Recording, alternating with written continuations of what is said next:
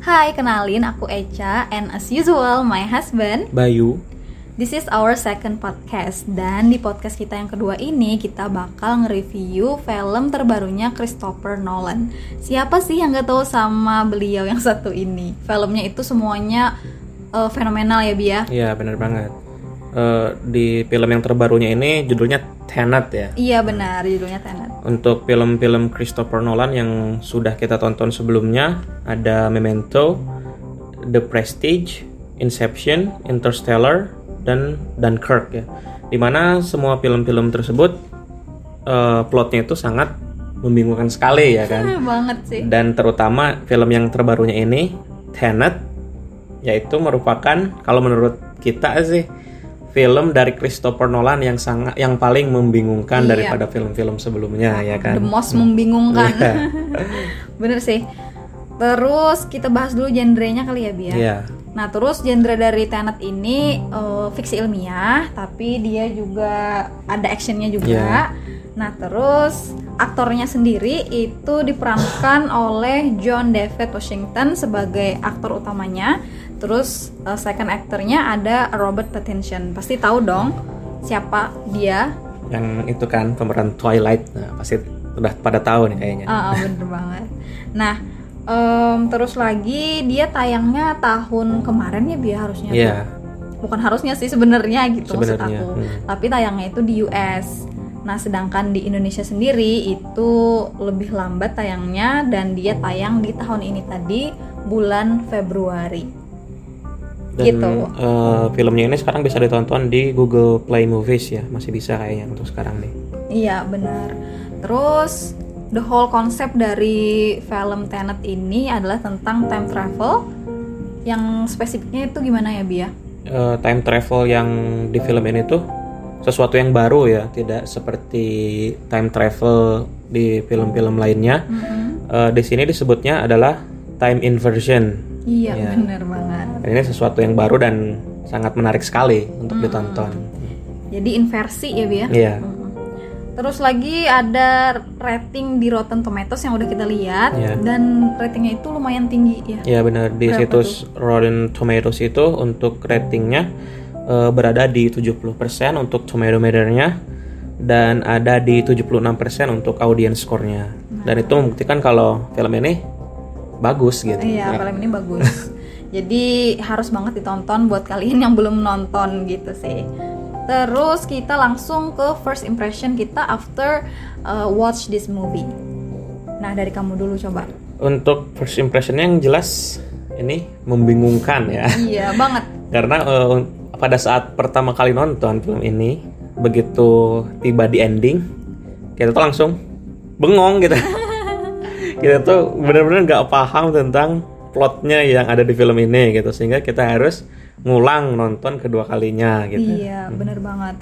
Kalau dari aku setelah nontonnya aku ngerasa kita tuh apa ya sedang merangkai sesuatu, sedang mencari puzzle yang hilang gitu loh. Jadi sejenis memecahkan misteri gitulah. Karena saking apa ya, saking mengundang banyak pertanyaannya Iya, gitu. Karena eh, film ini membingungkan ya tapi di samping itu menarik untuk dipecahkan dan dimengerti gitu Iya. kan. Ya.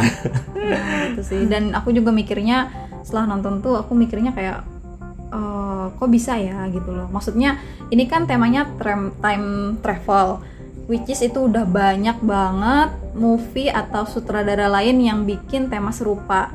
Tapi di sini oh, kalau walaupun udah banyak banget yang bikin, Christopher Nolan ini masih bisa ngebikinnya menjadi beda. Iya, sesuatu yang baru bahkan ya. Mm, jadi kayak uh, fresh banget, unik gitu. unik. Habis itu eh, di film ini yang bikin uniknya lagi ya, eh, sampai kita tuh nggak sadar ya kan dari tokoh utama ini yang diperankan oleh John David Washington sampai eh, tiba di ending gitu ya, bukan di ending juga sih, hampir di ending ya Iya, kayaknya. hampir. Kita itu sampai nggak nyadar kalau tokoh utama ini nggak punya nama di film ini gitu kan. Bener sih. Eh, dia itu cuma bilang si John David Washingtonnya ini di tengah-tengah film itu ada bilang kalau dia itu the protagonist gitu. I am the protagonist on this whole operation katanya. Jadi itulah satu-satunya identitas si tokoh utama ya kan. Eh, dia nggak punya nama, nggak punya background. Iya. Dia cuma menyebut dirinya itu sebagai the protagonist. dan anehnya itu kita sadarnya di ending Iya benar. sampai kayak "Ah, yang bener gitu kayak kita tuh ngerasa di brainwash gitu Iya. Jadi kita nonton film ini tuh dua kali ya jadinya. Mm-mm, dua kali terus apalagi bi itu tuh filmnya nggak bisa sambil santai ya nontonnya Iya benar. Ini tipe-tipe film yang nontonnya itu harus benar-benar diperhatikan ya karena tanpa emang berkedip benar. karena itu tuh eh, film ini emang me- apa sih namanya? Meng- menyuruh kita gitu kan untuk memperhatikan setiap detail-detail yang ada di film ini gitu. Kalau kita miss terhadap detail itu ya udah kelewat tuh kita terhadap ceritanya. dan film ini juga cocok banget buat ngelatih otak kita buat berpikir secara kritis jadi apa ya selain enjoy dengan plotnya juga kita juga belajar buat uh, thinking harder Iya benar. Dan emang kayaknya si Christopher Nolan ini ya, emang hobi kayaknya bikin para penonton itu kebingungan gitu. Iya, bener bener bener. Soalnya selalu kayak gitu. Iya, selalu. Semua film itu emang Bener. selalu kayak gitu, terutama di endingnya. Iya. Gitu sih.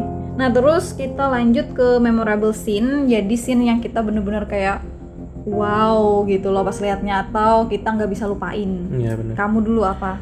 Kalau menurut aku sih s- untuk memor- memorable scene-nya ya, ketika ada melakukan mereka itu melakukan time inversion tadi ya kan. Eh, Terus ada satu kelompok gitu atau satu orang berjalan dengan waktu normal gitu. Ada kelompok lain berjalan dengan waktu mundur. Iya. dan itu terjadi di satu scene yang sama Mm-mm. Jadi ada yang bergerak maju ada yang bergerak mundur tapi itu smooth banget di situ. Iya, dan itu keren banget sih. Heeh. pasti menarik untuk ditonton. Nah, dan kayaknya susah ya bikinnya. kayaknya. Kita cuma menikmati mereka susah banget bikinnya. Nah terus kalau aku memorable scene di aku adalah pas ending.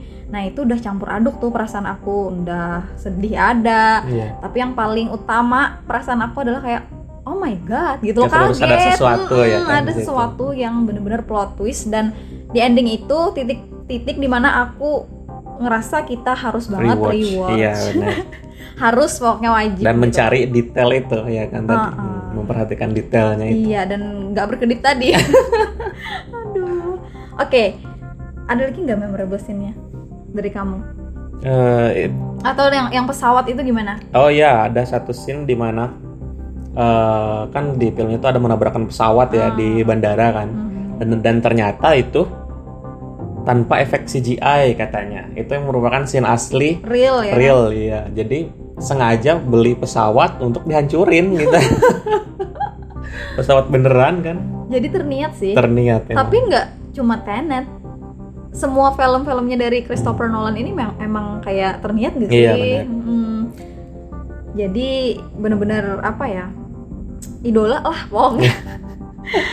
Oke, kita lanjut ke rating. Kalau dari kamu mau ngasih rating berapa? mungkin dari aku ya meskipun secara plot ini membingungkan dan sangat sulit sekali untuk dicerna ya tapi tetap menarik gitu kan untuk diikuti dan dipahami jadi eh, aku akan kasih rating film ini 8 dari 10 Wih, oke. Kalau aku berapa ya?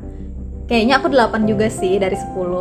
Sebenarnya sih aku pengennya tuh ngasihnya 9 karena film ini bagus banget, tapi karena I don't know, aku tuh kayak effortnya tuh tinggi dan juga waktunya juga banyak yang aku habiskan buat memahami film ini. Jadinya aku kasih ratingnya 8 karena aku capek. Dan nanti setelah ini ya kita akan ngebahas lebih dalam lagi ya kan. Dive deeper in about this movie ya kan. Yes. Membahas tentang teori-teorinya, terus ada apa namanya? Teori konspirasinya juga kan. Iya Ya. benar. Jadi setiap filmnya dia ini selalu ada apa ya biar teori ya kan benar. behind that gitu Hmm. loh. Yang kadang bisa berhubungan dengan fisika lah ya benar. kan. Nah, Nanti gitu kita sih. akan bahas di podcast selanjutnya ya. Iya benar dan itu khusus banget buat kalian yang udah nonton Iya. disarankan karena nanti akan ada juga uh, alurnya yang bakal kita ceritakan mungkin Iya, ya Bia Nah, supaya nyambung ke pembahasan teorinya tadi gitu sih.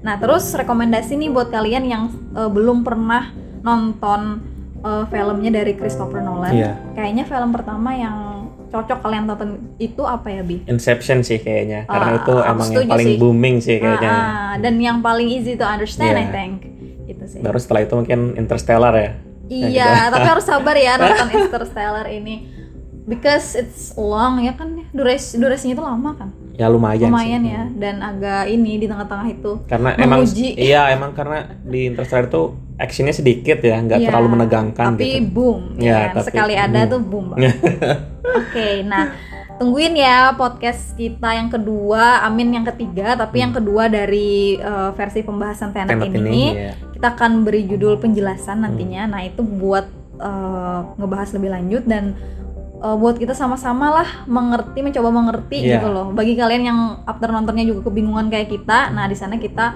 diskusiin gitu. Oke so sampai sini aja ya Bi ya. Iya.